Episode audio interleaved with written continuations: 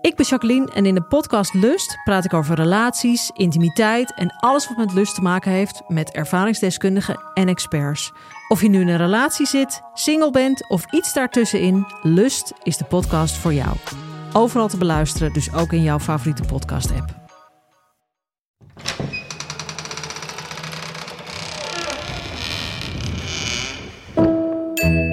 Welkom bij een bonusaflevering van Echt Gebeurd. Jouw favoriete verhalenpodcast. Hopen wij tenminste. Want Echt Gebeurd bestaat 15 jaar. En dat vieren we op 15 mei aanstaande met een verhalenavond in Carré, maar ook met extra podcastafleveringen. De komende maanden hoor je behalve elke donderdag een nieuw verhaal, ook elke maandag een mooi verhaal uit ons archief. Vandaag de herhaling van aflevering 18. Een verhaal dat Aaf Brand Kostjes in oktober 2011 vertelde tijdens een verhalenmiddag met het thema beesten.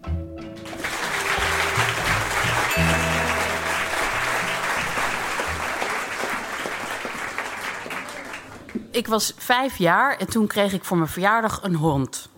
En ik wist zeker dat die hond een robothond was. Uh, dat was ook het eerste wat ik vroeg uh, toen hond morgens uh, onthuld werd. Ik zei: Is het een robot? Nee, zeiden mijn ouders, het is een echte levende hond.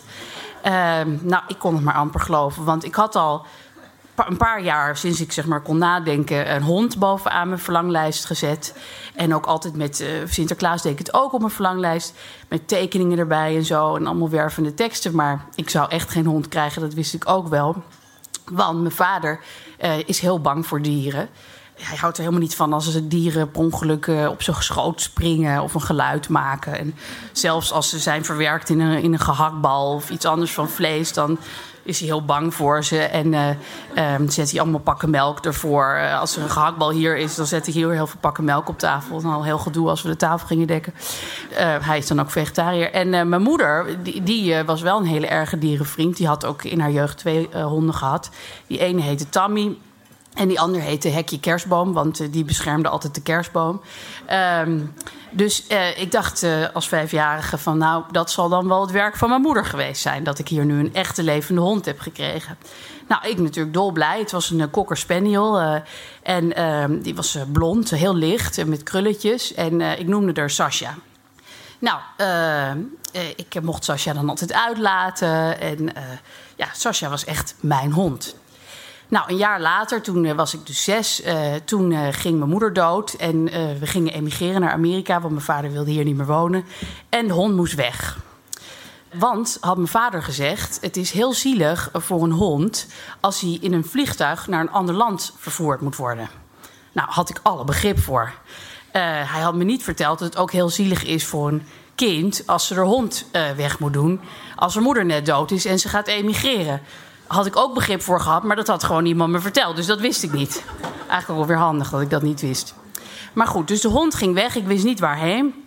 Maar ik kreeg wel twee knuffelhonden daarvoor in de plaats. En die noemde ik natuurlijk ook Sasha en Natasha. Uh, later werden dat gewoon Sas en Natas.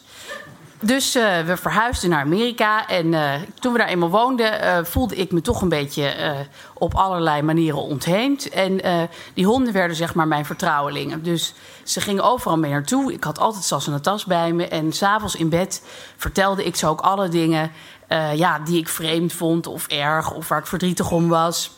En dan gingen we ook nog altijd even bidden, want ik was ook meteen christelijk geworden toen we daar, zodra we voeten op Amerikaanse grond hadden gezet dat was ook makkelijker met het uh, assimileren, zeg maar.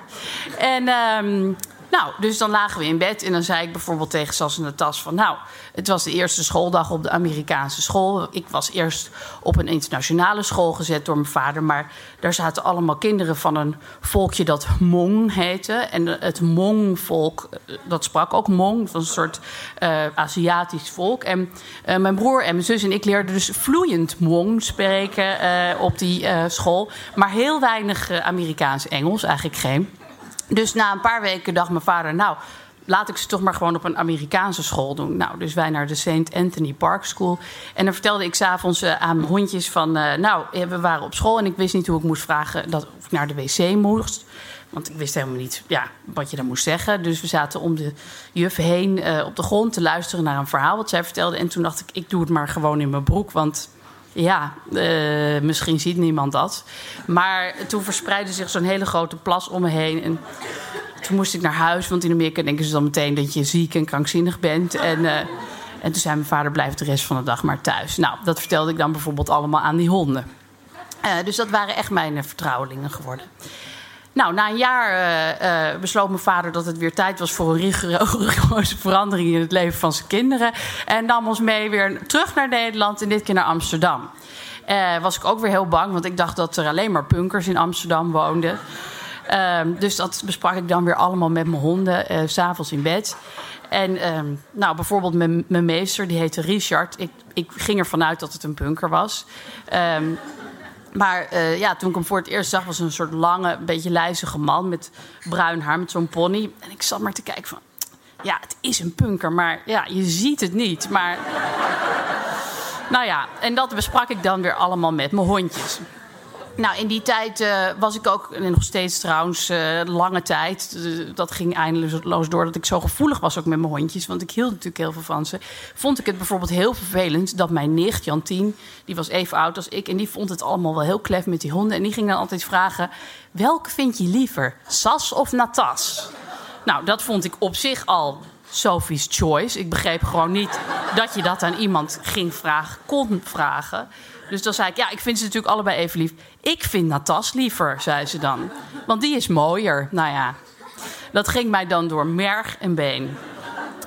Uh, het gebeurde ook een keertje dat, want ik nam ze dus echt overal mee naartoe... dat een keer op, op kinderkamp gingen kinderen met ze overgooien. Nou, dat was voor mij eigenlijk genoeg reden om nooit meer terug te winnen naar dat kamp. Dus ik stopte ze altijd heel diep in mijn, in mijn slaapzak en dan kon niemand ze zien. Ja, schrijnend, ik weet het, maar het wordt nog veel erg. Nee hoor.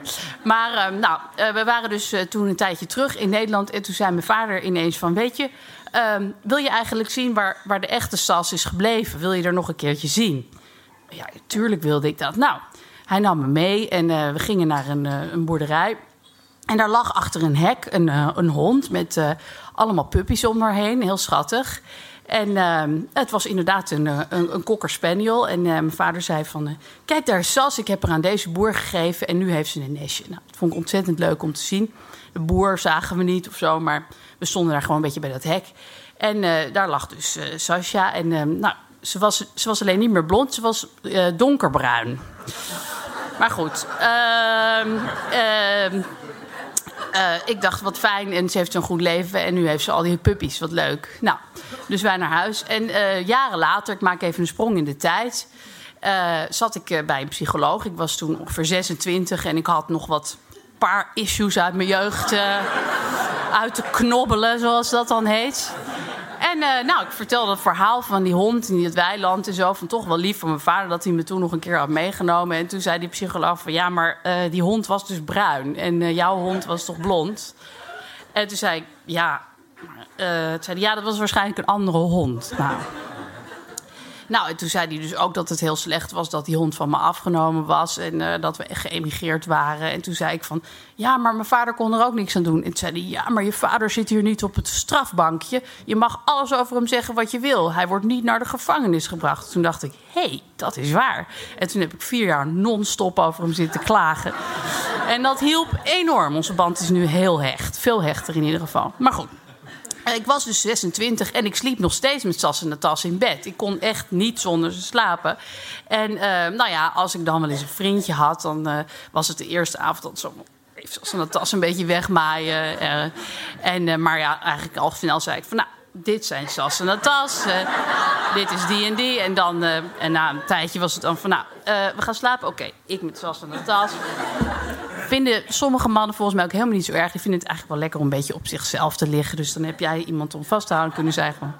Maar goed, eh, het was natuurlijk wel een beetje van wanneer kom ik hiervan af? Ik was 26, 27, 28, 29, 30. En ja, het is ook niet zo van, nou, nu ben ik 30. Nu is het niet meer normaal om met honden te slapen. Ik bedoel, ja, dat is op je 29e ook wel een beetje raar. Dus ik dacht, weet je, ik zit hier gewoon voor eeuwig aan vast.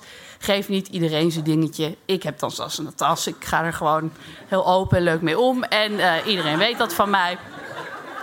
Ehm, nou, toen kreeg ik uh, een nieuwe vriend, uh, Gijs. En nou, ik voorstelde Gijs als een tas, als een tas Gijs. Nou, hij vond het allemaal prima. Dat vond ze heel, eigenlijk wel grappig. Hij ging wel heel vaak vragen naar dat verhaal over mijn nicht. Wie vind je liever, Sas of Natas? Nou, daar kon ik nog steeds mee omgaan, maar goed. En... Nou, en Gijs en ik besloten dat we wel samen een kind wilden. Dus nou, ik heel dolgelukkig. En maar de eerste keer dat ik zwanger werd, werd het een miskraam. En daar was ik heel diep ongelukkig over. En in de maanden daarna dacht ik steeds: wat kan ik nou doen om weer zwanger te worden? Want dat wil ik echt. En eigenlijk wel gewoon nu.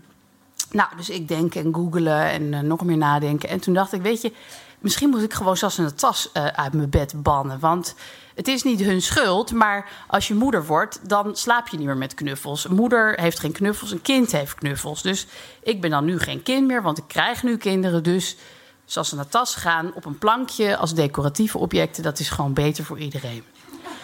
En het hielp, want ik werd zwanger en uh, ik kreeg een kind. En uh, ik gaf Sas en tas aan mijn zoontje. En nou, interesseerde hem niet. Hij wilde dan Elmo. Nou ja, goed kracht van de commercie, zullen we maar zeggen. Twee zulke mooie antieke pronkstukken, maar nee, liever die rode lachpop van Sesamstraat. Uh, dus hij met Elmo.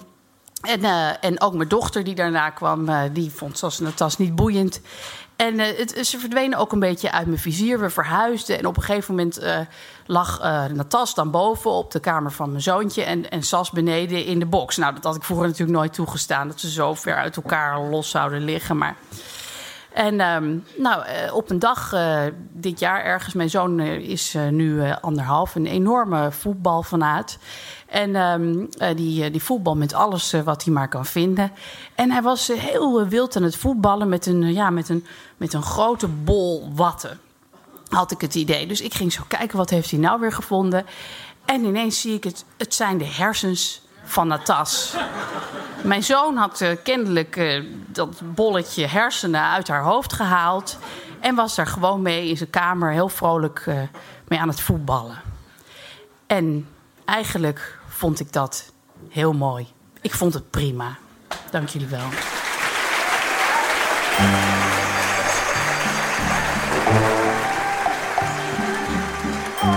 Dat was een verhaal van Aaf Brand Kostjes uit 2011 dat eerder verscheen als aflevering 18 van deze podcast.